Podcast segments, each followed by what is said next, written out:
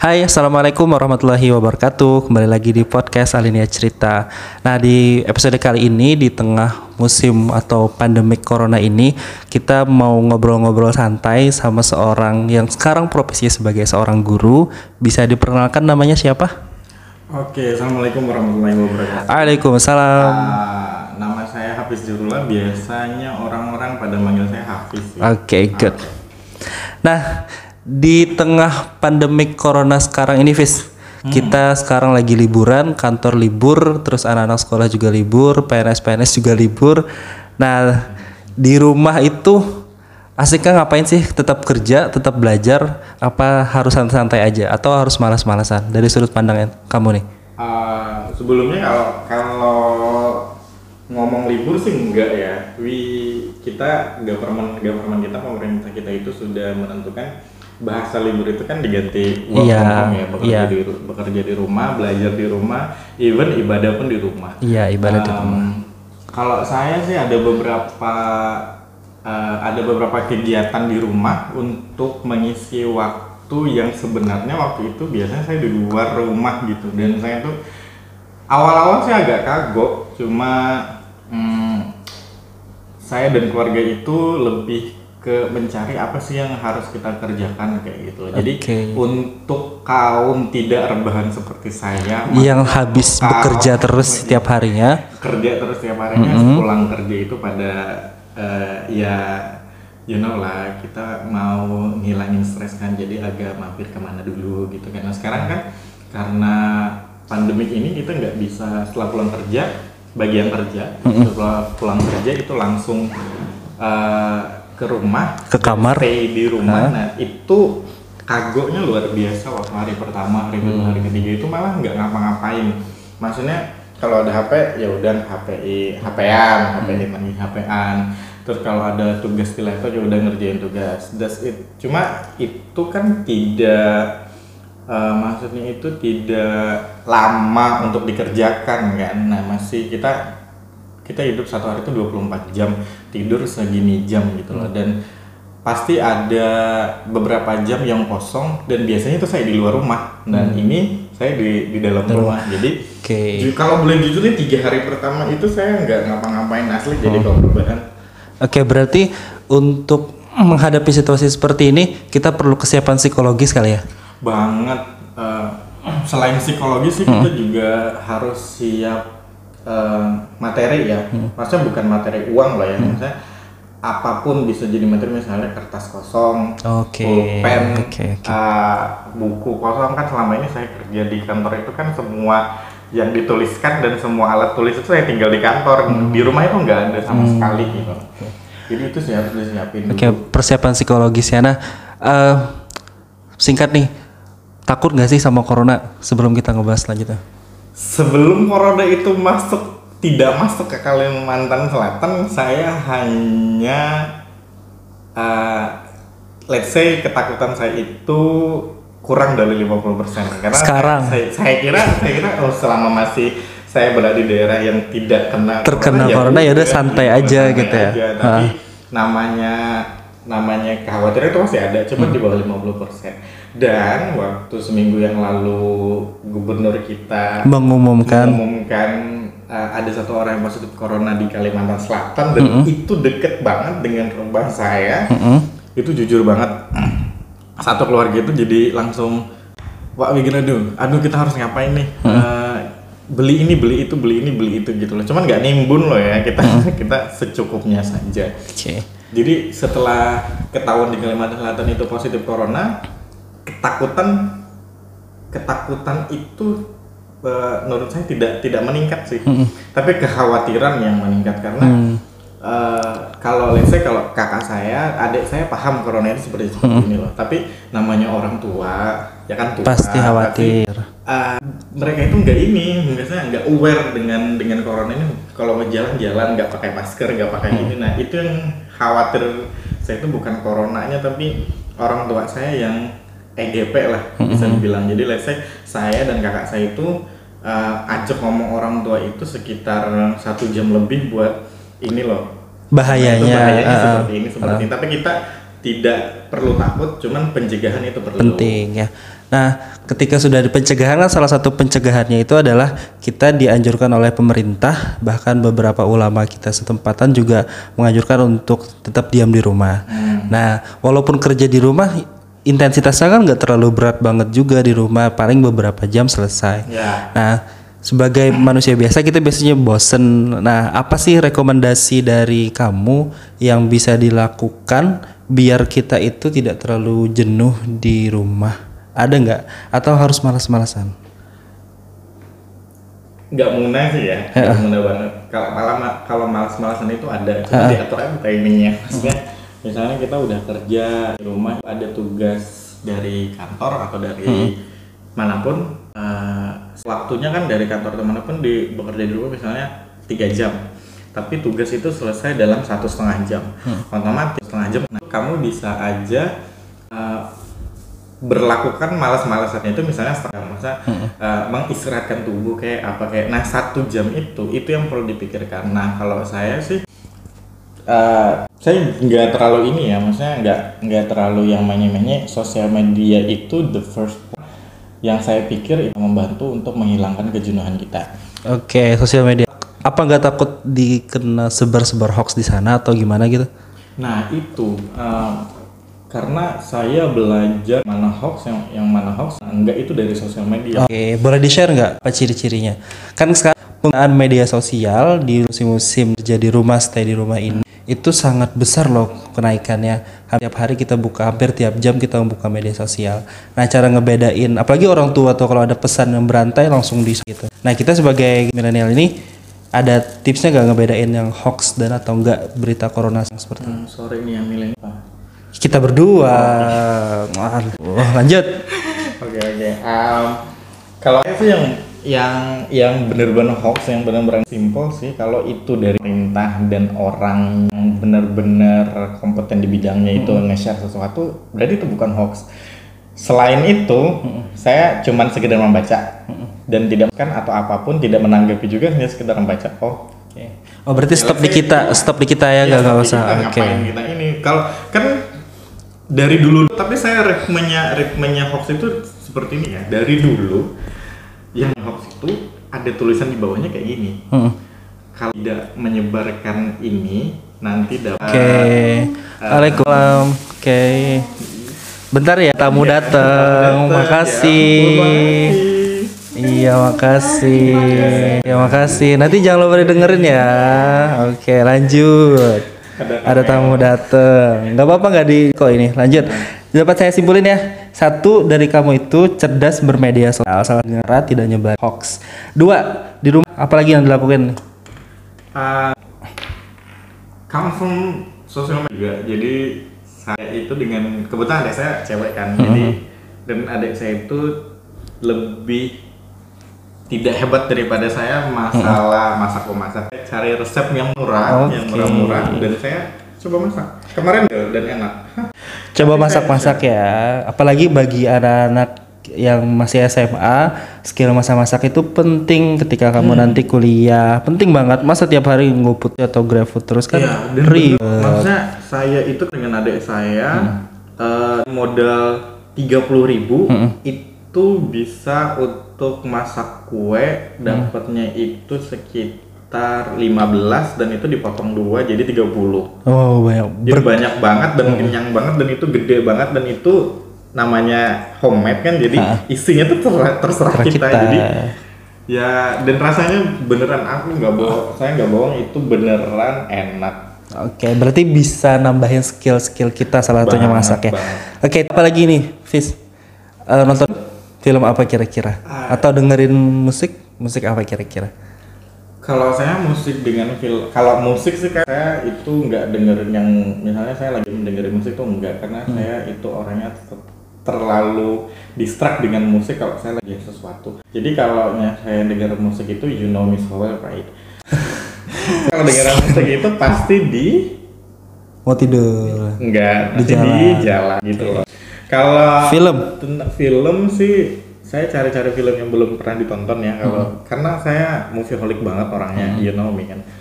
Ada beberapa film loh yang karena corona dia tayang nah that's why.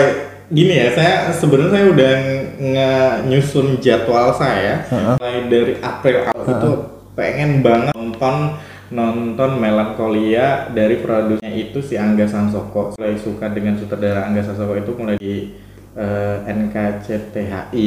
Aja. Nah, untuk ini, ini karena kita kan bos ya nonton film yang satu jam, jam gitu. Nah, ada rekomendasi Drama. Ya. Nah, dari Korea, uh, Indonesia, Indo- kalian harus nonton web series YouTube. Oh, web seriesnya siapa nih? Ria, Ria Ricis. Semua, semua web series, semua web series di Indonesia itu uh, pengambilan gambar, jalan ceritanya tuh nggak bosen. Maksudnya, Oh, karena web series itu kan satu episode cuma 10, 10 paling menit. lama 15 menit. Jadi kita tuh nggak nontonnya dan dan realistik deh kayak gitu. Beda dengan film yang terlalu kalau kita nonton di waktu sing gitu ya, misalnya film ini, aduh kok, aduh mau cepet-cepet di akhir gitu. Kalau web Oke. series kan tiba-tiba tiga episode doang nih, Hmm. nah, menit setengah jam, nah nggak terasa juga waktunya maksudnya dan kita selesai gitu. Hmm.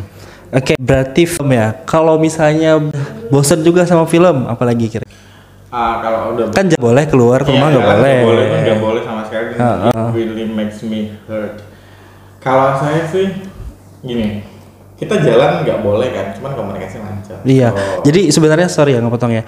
Bukan sosial kita yang dibatasin Iya, ya, tapi kesana- fisik kita, ke sana iya ke sananya Jadi, dibatasi. saya rajin banget nelpon-nelpon grup ke Iya.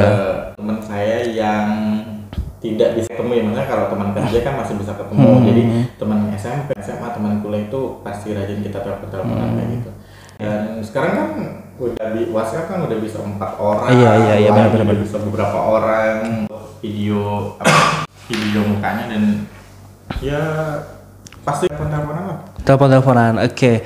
Nah, tapi kalau misal hal itu kan kita lakukan biar kita itu gak makin stres lihat berita. Terakhir kali kemarin saya dengar itu di Yuri itu sore hari kemarin itu banyak loh hampir seribu lah kita aktif corona loh. Iya nggak? ah terus Jadi maksud saya tuh, ketika kita melakukan aktivitas-aktivitas seperti itu, pertama kita nggak stres, kita takut. Yang kedua, eh, ketika kita nggak stres itu kan otomatis eh, tahan tubuh kita juga makin hari makin bagus, ya nggak? ah, ah. Nah, apa sih kira-kira nih biar biar nggak terlalu jenuh banget mah? Kadang ada beberapa teman-teman kita yang kadang tuh jenuh mah update status jenuh gitu kan ya? Kan gimana gitu liatnya? Ah, kamu sendiri? Kalau kayaknya ini pertanyaan ada, ada deh gimana nanggapin yang kasus corona itu dan supaya gitu. Uh, tapi saya lihat itu gitu. dan menurut saya jenuh itu jenuh itu gara-gara kita tahu informasi bahwa corona itu kasusnya makin hari makin naik dan naiknya itu uh, kecil jumlahnya tapi 100 sehari 100 sehari. Dan itu membuat kita jadi ah pasti pemerintah bakal memperpanjang uh, keluar rumahnya sampai Iya. segini nih sampai segini aduh ini gara-gara ini gara-gara Ya bahkan ada ini. informasi sampai Ramadan Sampai loh, eh. ah, sampai, sampai Lebaran. itu, sampai Mei Juni dan let's say dan ya itu uh, kalau kita sorry. Kalau kita ngomong jenuh itu pasti ada. Cuma untuk mengurangi jenuh itu menurut saya satu hal informasi itu jangan dijadikan sebagai ketakutan. Informasi jangan sebagai ketakutan, tapi jadikan apa? Ah, informasi. Informasi gitu. Oke. Maksudnya jangan jangan dijadikan sebagai Terus? sebagai ketakutan Ha-ha. yang bagaimana bagaimana Ha-ha. maksudnya eh, gini ya. Seper hari ini corona seribu. Hmm, kita di rumah aduh corona seribu eh, jadinya makin panjang deh eh, ini eh, stay di rumahnya ini ini. Nah jangan berpikiran seperti itu mas. Saya berpikirannya seperti ini. Eh, corona seribu kita harus ngapain ya supaya corona itu nggak nyampe 2000 gitu ya? enggak. Terus? Saya salah lagi. saya bukan ya? So, gimana caranya kita supaya percepat keluar rumah? Oke, memper mempercepat keluar rumah dengan cara memperlama kita di rumah. Nah maksudnya memperlama kita di rumah itu adalah sadarin diri kita sendiri dong. Maksudnya Oke. eh, kalau keluar rumah kalau ya let's say kalau cari makan boleh lah saya boleh kan itu Tapi jaga jarak tetap penting ya. jaga jarak tetap penting Maksudnya eh, informasi-informasi itu eh, dibikin apa ya dibikin motivasi supaya eh, Kita makin disiplin tuh jaga Iya, diri. disiplin, kayak bersihin diri lah, inilah itulah. Oke, gitu. I got- I got the point. Negatifnya dulu deh. Oke. bahasa simpelnya positive thinking ya enggak? Nah, Nah, positive bahasa agamanya itu husnuzon. Nah. Oke, tadi Suzon. Mhm. terus lagi gimana tadi? Kan t- tadi pertanyaan ada dua related tadi. Mhm. Dan yang kedua bener ya, supaya nggak bosan. Sama aja sih. Sama aja ya. Selain selain dari itu skill masak, cerdas bermedia sosial. Intinya sih kalau lagi corona ini pertama eh, pemakaian baterai kita Bang, banyak banget. ya Berapa kali satu hari charger handphone? Kalau kata katanya sih handphone yang saya pakai ini katanya bisa 2 sampai tiga kali. Iya. Nah, saya bisa empat kali loh kalau di rumah. Kalau kuota gimana kalau kuota? Kalau kota masih aman sih. Masih aman, ya. Nggak terlalu nggak terlalu banyak berubah gitu loh. Ada peningkatan cuman nggak terlalu ya. terlalu banyak. Oke, berarti kalau Hafiz ini bukan tipikal orang yang main games ya? Enggak sih. Enggak saya. Tapi kalau misalnya orang yang pendengar kita suka games bisa jadi alternatif juga kali ya. Iya. Ha-ha. Misalnya saya game itu saya bosenan kalau di game, tapi nggak bosan kalau di nonton. Oh, karena di game itu kenapa? Eh, saya lebih suka menonton kan ada beberapa film atau web series yang membuat kita berpikir toh ya maksudnya misalnya tentang pembunuhan tentang apa let's say eh, pengacara atau apa nah itu kan berpikir Hmm.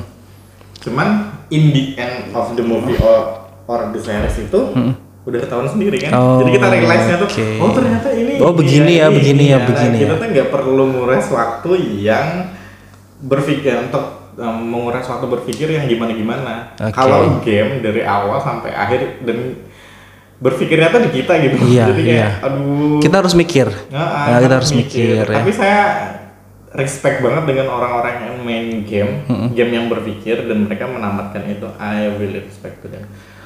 Nah, gitu. untuk anak-anak yang masih di SMP SMA, karena kan pendengar kita juga ada SMP SMA. Pesan kamu terakhir gimana nih untuk mereka yang di rumah tapi diwajibkan untuk belajar kendati mereka tidak harus melaksanakan UN nanti. Gimana? Ah, berarti ini untuk yang kelas senior dulu ya? Yes. Nah, untuk kelas 12 ataupun kelas 9. Hmm, banyak sih yang DM saya bahwa kalau UN gak jadi kita nggak jadi belajar ya. Kalau ini kita jadi belajar, nggak jadi Iya. belajar ya. Apalagi subjek-subjek yang mes- harus di Iya. UN kan gitu ya, mereka jadi yang sudah terlalu struggle ini, banget. terlalu ini dong, terlalu ini dong. Hmm, UN itu adalah eh, let's say batu loncatan untuk kalian ke UTBK. Yes. Nah, karena UN dihapuskan, otomatis Fokus yang kalian iya, yang kalian pelajari itu adalah materi-materi UN juga, cuman yang tingkatan soalnya itu lebih untuk ke UTBK-nya. Jadi menurut saya persiapan kalian itu malah Hmm. Nggak sia-sia. Iya, nggak sia-sia dan malah lebih bagus Iya dong. Tidak maksudnya Lebih cepat dengan, persiapannya. dengan penghapusan UN ini eh, kalian itu bisa fokus lagi. Iya, dan pakunya itu nggak dua, satu Iya, doang. satu aja. Setelah selesai itu langsung UTBK, lepas gitu ya. UTBK Oke. aja, UN-nya enggak gitu loh. Jadi eh, maksudnya jangan jangan inilah apa jangan jangan nganggap kalau UN nggak ada kita nggak belajar lagi. Yes, tetap masih ada UTBK. Pun Oke, lanjut. pun Ada bel. setelah UTBK setelah UTBK kan ada lagi persiapan masuk kuliah persiapan ini persiapan ini dan itu tuh menurut saya uh, lebih menantang daripada untuk menanyakan gimana nasib kami kalau UN ditiadakan Oke. Masih bel satu menit sih biasanya belnya. Mau ngepost Males banget jadi biarin aja tunggu satu menit. Tadi untuk anak kelas 12 sama yang kelas 9. Nah, sekarang untuk yang kelas 10, kelas 7, 8, 10, 11. 7, 8, 11 itu kayaknya nggak ada masalah dengan ada masalah ya. Maksudnya ya kalau kalian disuruh belajar ya belajar, kalau kalian capek ya istirahat, kalau kalian di push untuk belajar tiap hari, uh, ngomong dengan orang tua kalian bahwa uh, ma nanti uh, saya bisa ngeset waktu sendiri. Cuman itu dibuktikan. Jangan ngomong doang. Ma nanti aku ngerjain kok ini ini. Tapi ini." nggak dikerjain. Nanti gurunya ngelapor ke siswanya kamu marah-marah. Iya. Terus, ini terus galau-galauan di status aku "Wah, ini, ini ini. Nah kan beda juga. Saya dari dulu itu kalau disuruh uh, orang tua saya belajar dan saya sudah merasa melakukan itu ya udah bilang dan dan buktiin bahwa nanti jam 8 saya akan belajar. Itu jam 7 udah dis- disuruh waktu itu. Dan saya santai malas-malesan santai-santaian satu jam itu dan jam 8 saya belajar gitu Oke. jangan jangan jangan mana nanti ah belajar nantinya kapan Nantinya harus kapan? disebutkan exactly Yes. te- time-nya Jangan terlalu larut dalam rebahan-rebahan di iya rumah. jangan Iya. rebahan, jangan jangan jadi kaum rebahan yang terlalu manja ya Yang nggak produktif gitu ya. Ah, ah, gitu. Oke, thank you Fis ngobrol-ngobrol hari ini. Mudah-mudahan nanti ada manfaatnya kalau ada manfaatnya ya enggak. Thank you. jadi 20 menit ini Ada ada nanti pasti ada yang feedback kalau ada- pasti ada ya. Satu dua orang, tiga orang, empat orang sampai ya, 100 orang. Thank you. ah, iya. Terakhir ada Terakhir, terakhir. yes. Hmm, mungkin saya di Alenia cerita ini mungkin saya narasumber yang paling enggak banget ya maksudnya Enggak ini narasi terpanjang yang pernah gitu ya. Masa dibodoh- saya tuh orangnya nggak suka yang aneh I, I think I think yang punya podcast tahu saya orangnya kayak gimana jadi saya tuh nggak suka yang manya-manya yang kayak gitu-gitu Ya ini kan baru 4 episode, 5 episode berapa gitu, masih sedikit, masih kecil. Iya. Kayak, So I'm sorry, big, eh, I'm sorry ya kalau pendengar mendengar podcast ini biasanya serius-serius, tapi kayak ini loh rame kok, aduh diedit, diedit nih pasti diedit. enggak, enggak, enggak, tanpa edit kok. Thank you, mudah-mudahan bermanfaat. Sampai jumpa. Assalamualaikum. Waalaikumsalam.